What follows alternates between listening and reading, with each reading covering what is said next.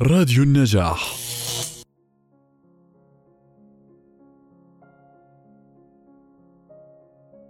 أول النضج شيروود أندرسون من عام 1876 إلى عام 1941 كان شيروود أندرسون شخصا بوهيميا منذ البداية لم يعرف الاستقرار في مكان أو عمل طوال السنين الخمسة والثلاثين الأولى من عمره.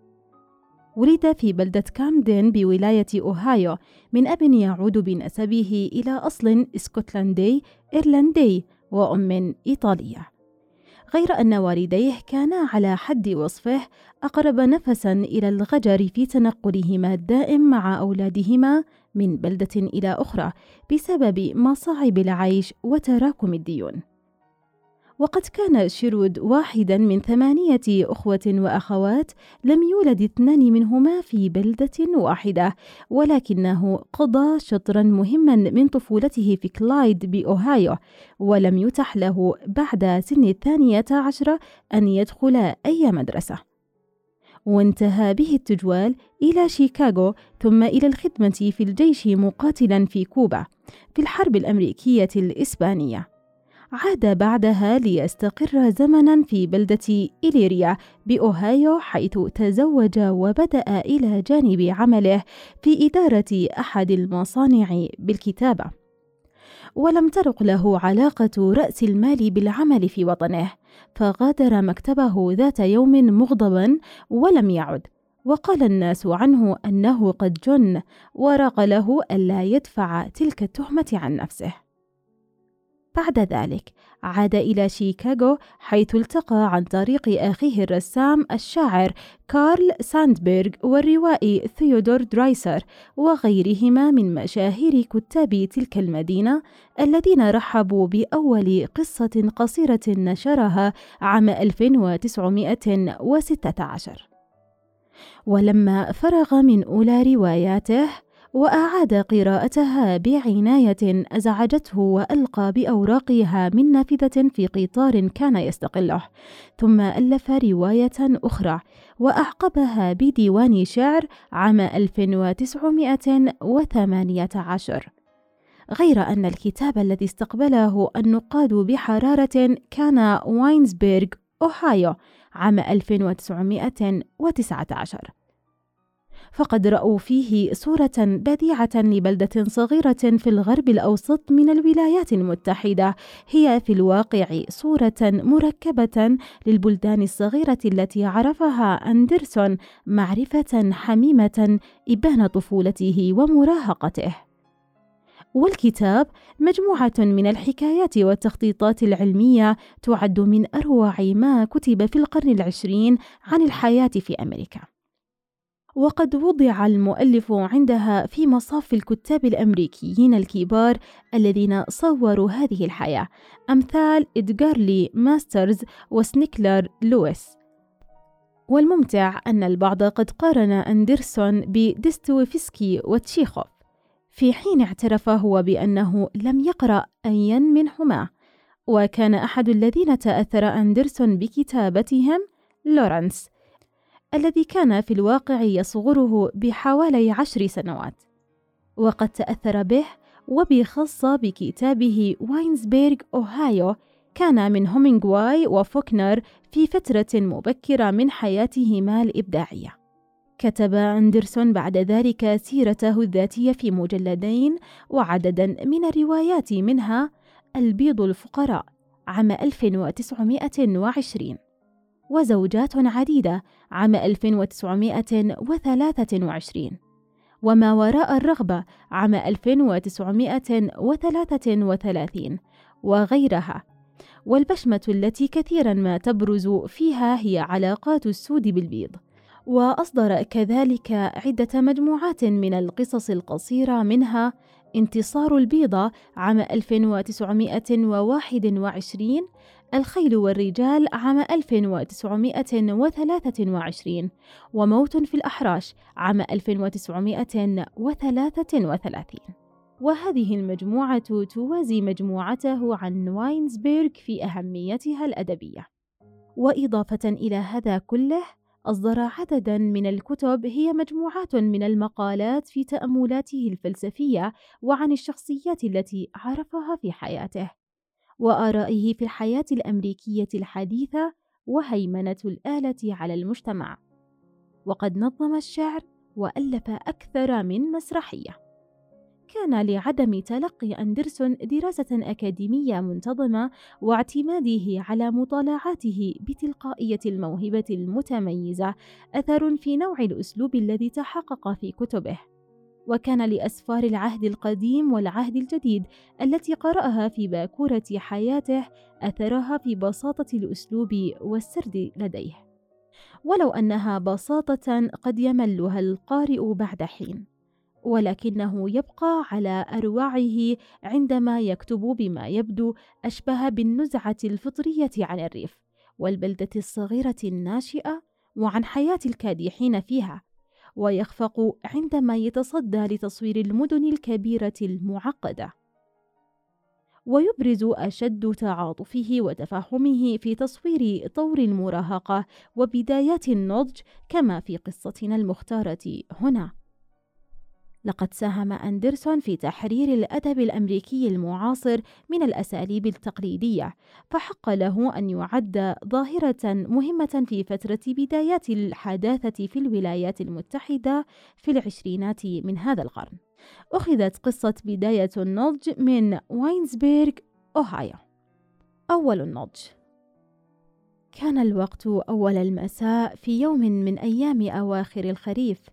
وقد اجتذبت معرض ناحية واينزبيرغ جموعا من الناس إلى البلدة. كان النهار صاحيا وجاء الليل دافئا طيبا.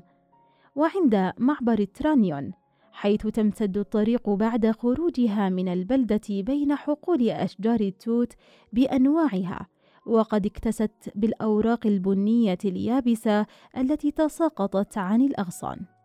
والغبار يتصاعد كالسحب من عربات الخيل المتهادية وعلى القش المنثور على دكات العربات ينام الأطفال. وقد كوروا أنفسهم بما يشبه الكرات الصغيرة. شعرهم مليء بالغبار وأظافرهم سوداء لزجة. كان الغبار يتدحرج متنائيا فوق الحقول وقد أشعلته الشمس الغاربة بالألوان. وفي الشارع الرئيسي في بلدة واينزبيرغ ملأت الجموع الحوانيت والأرصفة. وإذ جاء الليل راحت الخيول تصهل وكتبت المخازن يتراكضون كالمجانين. وضل الأطفال سبلهم وارتفع صوت بكائهم. إنها بلوة أمريكية تحاول جهدها أن تمتع نفسها.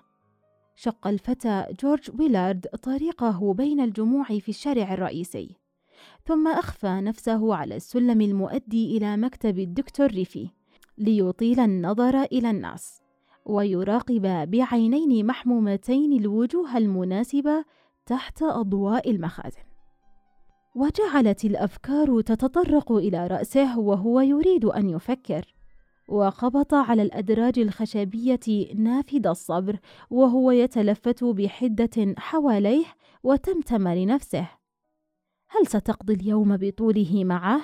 هل انتظرت أنا هذا الانتظار كله عبثا؟ جورج ديلارت هذا الفتى القادم من قرية في أوهايو كان على وشك بلوغ مبلغ الرجال وثمة افكار جديدة تراوده الآن. راح يتجول طوال النهار في أرض المعرض وقد استبدت به الوحشة. وهو سيترك واينزبيرغ قريبا ليذهب إلى مدينة ما يأمل في أن يجد عملا في إحدى جرائدها. وهو يشعر أنه قد شب عن الطوق. وكانت الحالة النفسية التي تسلطت عليه أمرا لا يعرفه الرجال ولا يعرفه المراهقون. إنه يشعر بتقدم السن وبشيء من التعب. واستيقظت في نفسه الذكريات وحسه الجديد بالنضج أوحى إليه بأنه يعزله عن الآخرين. وبأنه شخصية شبه مأساوية. لقد أراد أن يجد من يفهم الشعور الذي استبد به بعد موت أمه. ثمة وقت في حياة كل فتى يبدأ فيه بالنظر لأول مرة إلى ما قد مضى من حياته. ولعل تلك هي اللحظة التي يعبر فيها الخط نحو الرجولة. إن الفتى لا يسير في طريق بلدته من أولها إلى نهايتها، وهو يفكر في المستقبل وفي الشخصية التي سيكونها في العالم، وتستيقظ فيه الطموحات والتأسيات، وفجأة يحدث أمر ما، ويقف تحت شجرة في انتظار صوت يناديه باسمه. وتتسلل إلى وعيه أطياف أشياء قديمة وتهمس له أصوات من الخارج تحدثه عن محدوديات الحياة وينتقل من الثقة بنفسه إلى الشك فيها. فإذا كان فتى خصب الخيال انشق له باب ليتطلع منه لأول مرة إلى الخارج إلى العالم ويرى كما في مسيرة تتحرك أمام عينيه. شخوصا لا تحصى من الناس خرجوا قبله من العدم ودخلوا العالم. وعاشوا حياتهم واختفوا مرة أخرى في العدم. إنه حزن أول النضج. قد جاء الفتى. ويشهق للفجاءة التي يرى نفسه فيها لمجرد ورقة سقطت عن شجرة وراحت الريح تتقاذفها عبر طرقات قريته. ويعلم أنه رغم كلام رفاقه الكبير لابد له من أن يحيا ويموت بغير ما يقين. كشيء تتقاذفه الرياح كشيء كتب عليه أن يبذل في الشمس كشجيرة الذرى إنه يرتجف ويتلفت حوله بشوق. وتبدو له السنون الثمانية عشرة التي عاشها وكأنها لحظة واحدة لحظة تنفس قصيرة في مسيرة الإنسانية الطويلة بل إنه أخذ يسمع نداء الموت. فيريد بجماع قلبه أن يقترب جدا من إنسان آخر أن يلمس مخلوقا آخر بيديه وأن تلمسه يد مخلوق آخر. ولئن يفضل أن يكون الإنسان الآخر امرأة فما ذلك إلا أنه يعتقد أن المرأة ستكون رفيقة به وأنها ستفهم فهو يريد أكثر ما يريد أن يفهم. عندما جاءت جورج ديلارد لحظة أول النضج تحول ذهنه إلى هيلين وايت ابنة المصرفي في بلدة واينزبرغ. فقد كان دائم الشعور بتنامي تلك الفتاة لتغدو امرأة كشعوره بتناميه هو ليغدو رجلا. وفي إحدى ليالي الصيف حين بلغ الثامنة عشرة تمشى معها في طريق ريفية. وبحضورها سمح لنفسه بالتباهي لكي يبدو في عينيها كبيرا وذا شأن. أما الآن فهو يريد رؤيتها لغرض آخر إنه يريد أن يخبرها عن الدوافع الجديدة التي باتت تتحرك في داخله. لقد حاول أن يجعلها تنظر إليه كرجل يوم لم يكن يعرف شيئا عن الرجولة. هو أما الآن فهو يريد أن يكون معها ليجعلها تحس التغيير الذي يعتقد أنه قد تحقق في طبيعته. أما هيلين وايت فهي أيضا قد أدركت مرحلة التغيير. وما أحس به جورج أحست به هي أيضا عن طريقتها كامرأة شابة، فهي ما عادت فتاة صبية، وجعلت تتعطش لإدراك ما تتميز به المرأة البالغة من جمال ورشاقة. وكانت قد عادت إلى أهلها من كليفلاند، حيث تدرس في الكلية لقضاء يوم في مهرجان المعرض، وهي أيضا بدأت تستيقظ فيها الذكريات. وفي أثناء النهار جلست على المدرج الكبير مع شاب هو أحد المدرسين في الكلية. استضافته أمها كان الشاب لا يخلو من التنطع فأحست في الحال أنه لن يفي بغرضها ولكنها في المعرض سرت بظهورها بين الناس بصحبته لأنه غريب وحسن الهندام وهي تعلم أن حضوره سيخلق انطباعا لديهم. ولئن كانت سعيدة في النهار فإنها مع قدوم الليل جعلت تحس بالقلق وعدم الرضا. وأرادت أن تبعد المدرس عنها وألا تبقى في صحبته ولو أنها عندما جلسا معا على المدرج وأعين أترابها في مدرستها السابقة ترمقها أبدت لرفيقها من الانتباه ما جعله يزداد اهتماما بها. ويقول لنفسه كل دارس يحتاج إلى المال علي أن أتزوج امرأة ذات مال.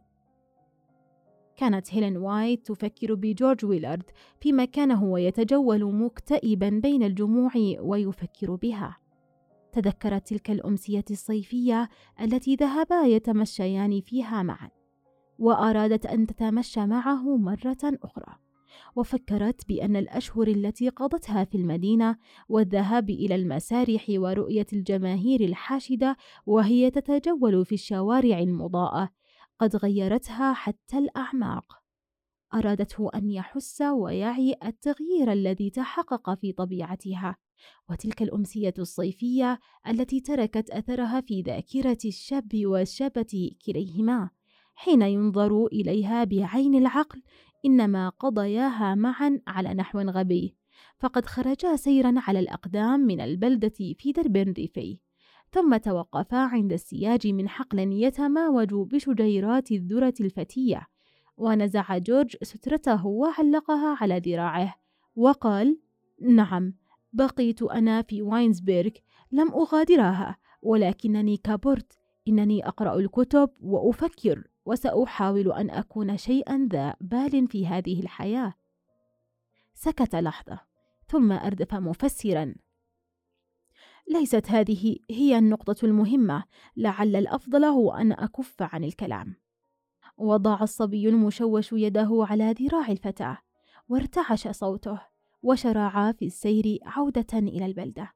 وفي يأسه قال جورج متباهيا سأصبح رجلا مهما أهم رجل عاش هنا في واينزبرغ.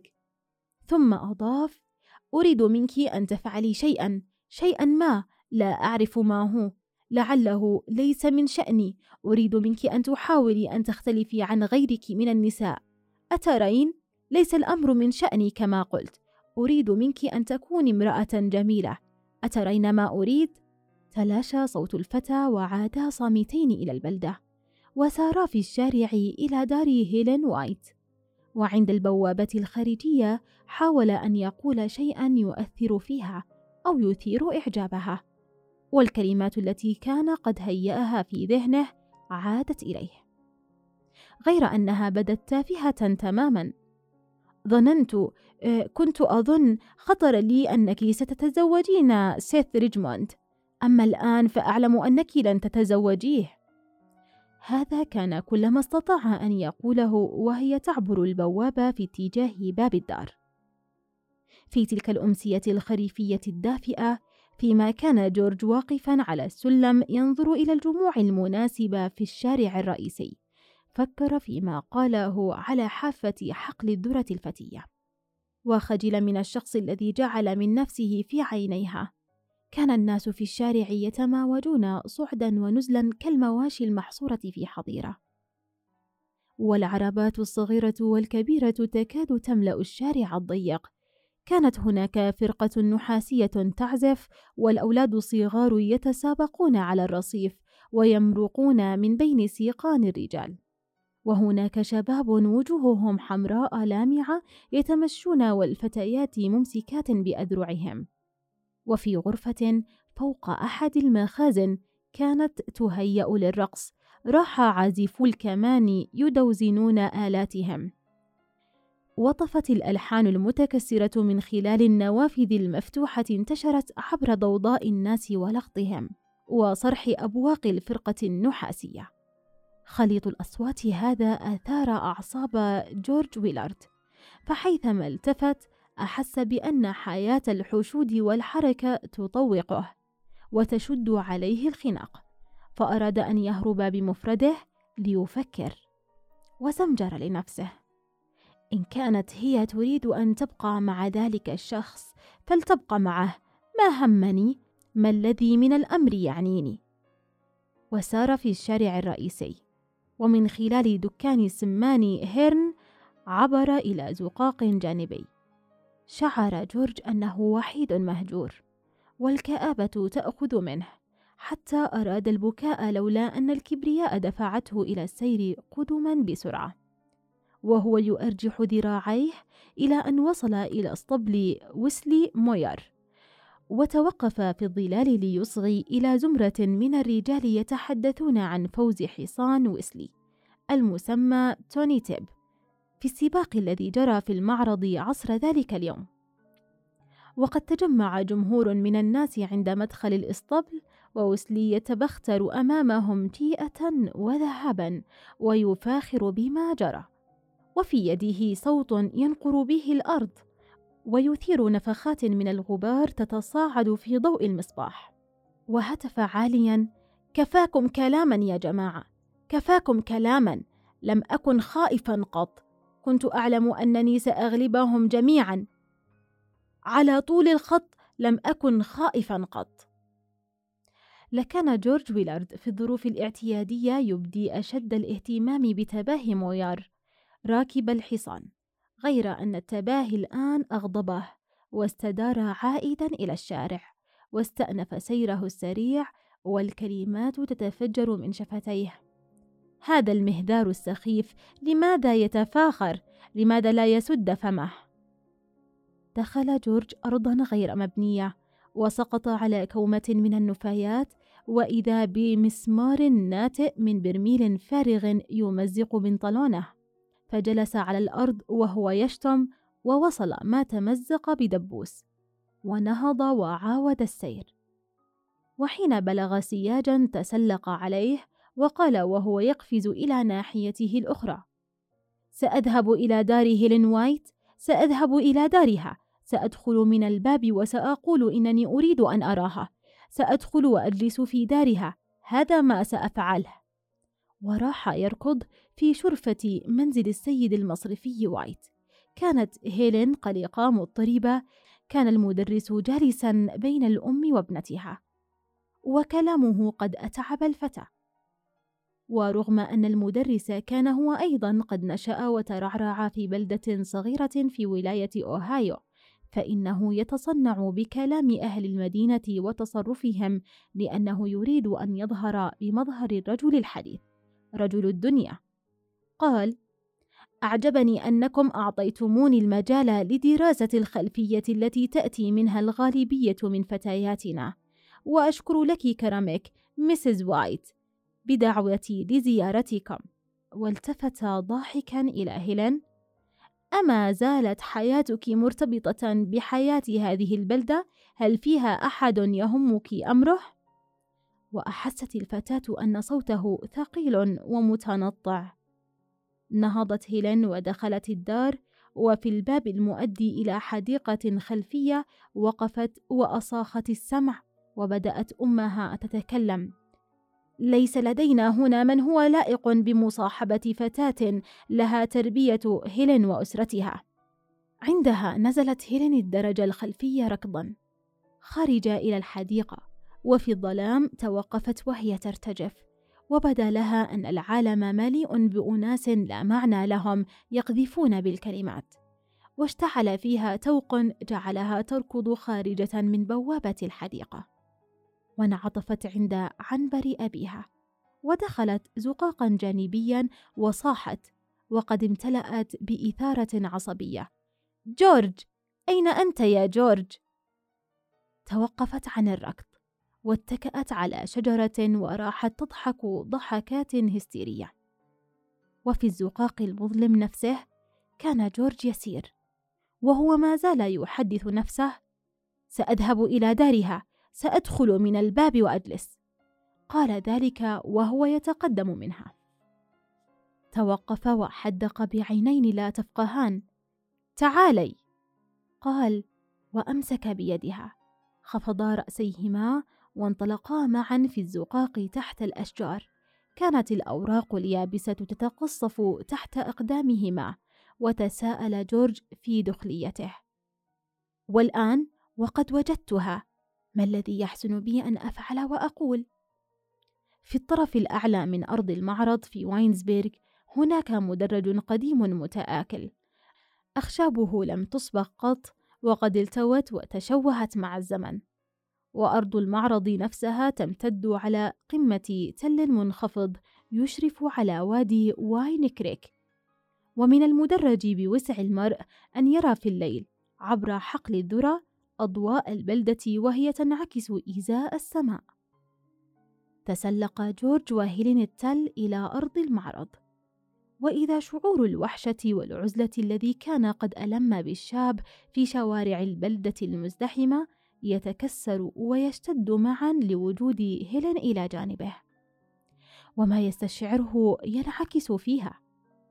في الشباب ثمة دائما قوتان تتصارعان في الإنسان فالحيوان الصغير الدافئ الذي لا يفكر يصارع الشيء الذي يتأمل ويتذكر. وهذا الشيء الأنضج سنا وعقلا هو الذي تملك جورج ويلارد. وقد أحست هيلين بحالته تلك ومشت إلى جانبه باحترام. وعندما وصلا إلى المدرج صعدا إلى القسم الذي تحت السقيفة وجلسا على أحد المقاعد الطويلة. هناك شيء لا ينسى في تجربة المرء الذي يدخل أرض معرض قائمة على حافة بلدة في الغرب الأوسط. في الليل بعد انقضاء المعرض السنوي فالإحساس الذي ينتابه حينئذ سيلصق بذاكرته حيثما التفت وجد الأشباح. لا أشباح الموتى بل أشباح الأحياء. هنا في ساعات النهار التي للتو انقضت انصب الناس من المناطق المحيطة كلها ريفها وبلدتها فلاحون بصحبة زوجاتهم وأطفالهم.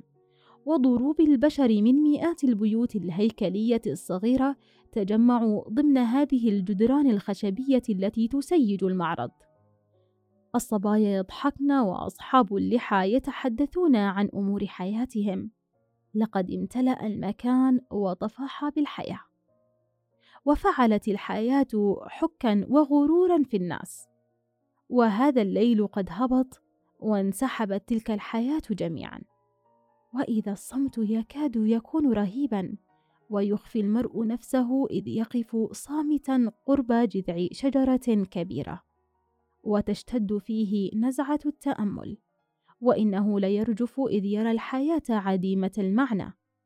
وفي الوقت ذاته إذ كان أهل البلدة هم أهله فإنه يعشق الحياة حتى لتطفر الدموع إلى عينيه. في الظلام تحت سقيفة المدرج. جلس جورج ويلارد قرب هيلين وايت وبه إحساس عميق بضآلته في خطة الوجود.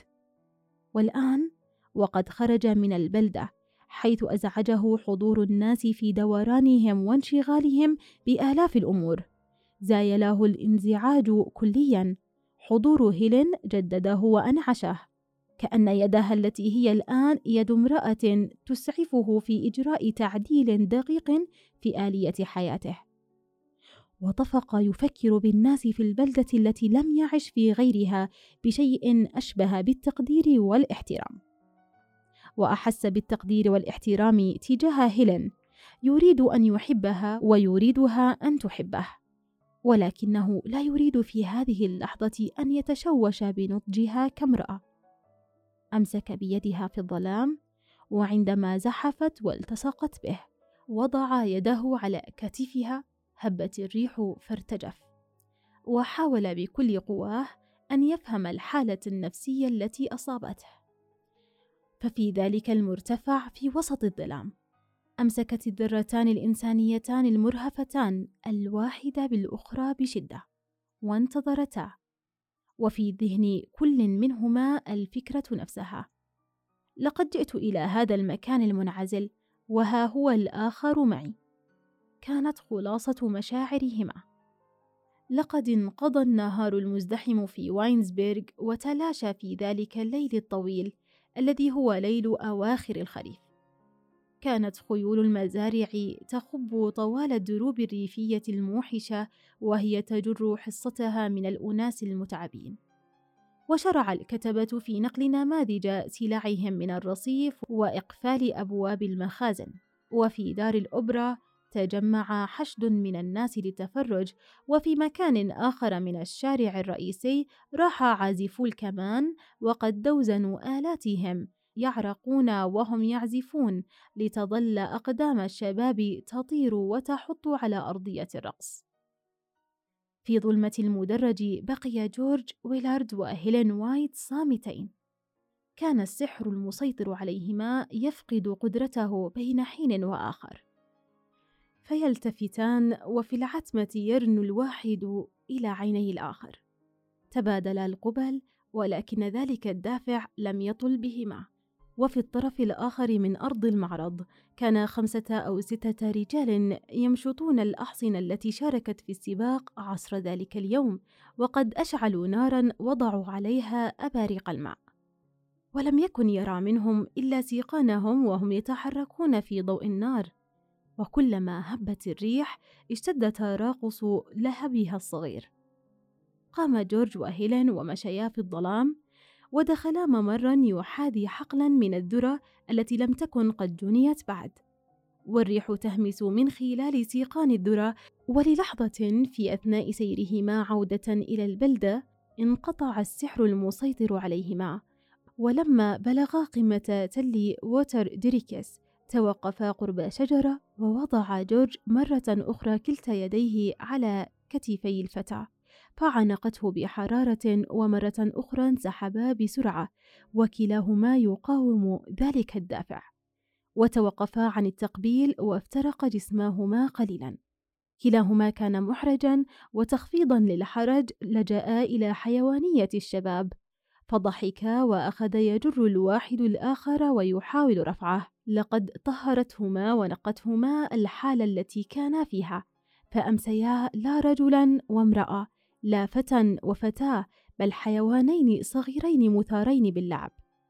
على هذا النحو نزلا التل وفي الظلام راحا يتعابثان كمخلوقين شابين رائعين في عالم الشباب. ومرة سبقت هيلين رفيقها بالركض وعرقلته فوقع تلوى وصرخ واهتز بدنه بالضحك وهو يتدحرج على منحدر التل. وهيلين تركض وراءه وللحظة واحدة توقفت في الظلام. ومن يدري أي أفكار نسوية ساورتها ولكنها حين بلغا سفح التل وأدركت فتاها أخذت بذراعه وسارت إلى جانبه بصمت وقور. ولسبب لم يكن بوسعهما تفسيره لقد حصلا كلاهما من أمسيتهما الصامتة على الشيء الذي كان بهما حاجة إليه. رجلا أم فتى امرأة أو فتى لقد أمسكا لبرهة من الزمن بذلك الشيء الذي يجعل الحياة الناضجة للرجال والنساء في العالم الحديث أمرا ممكنا.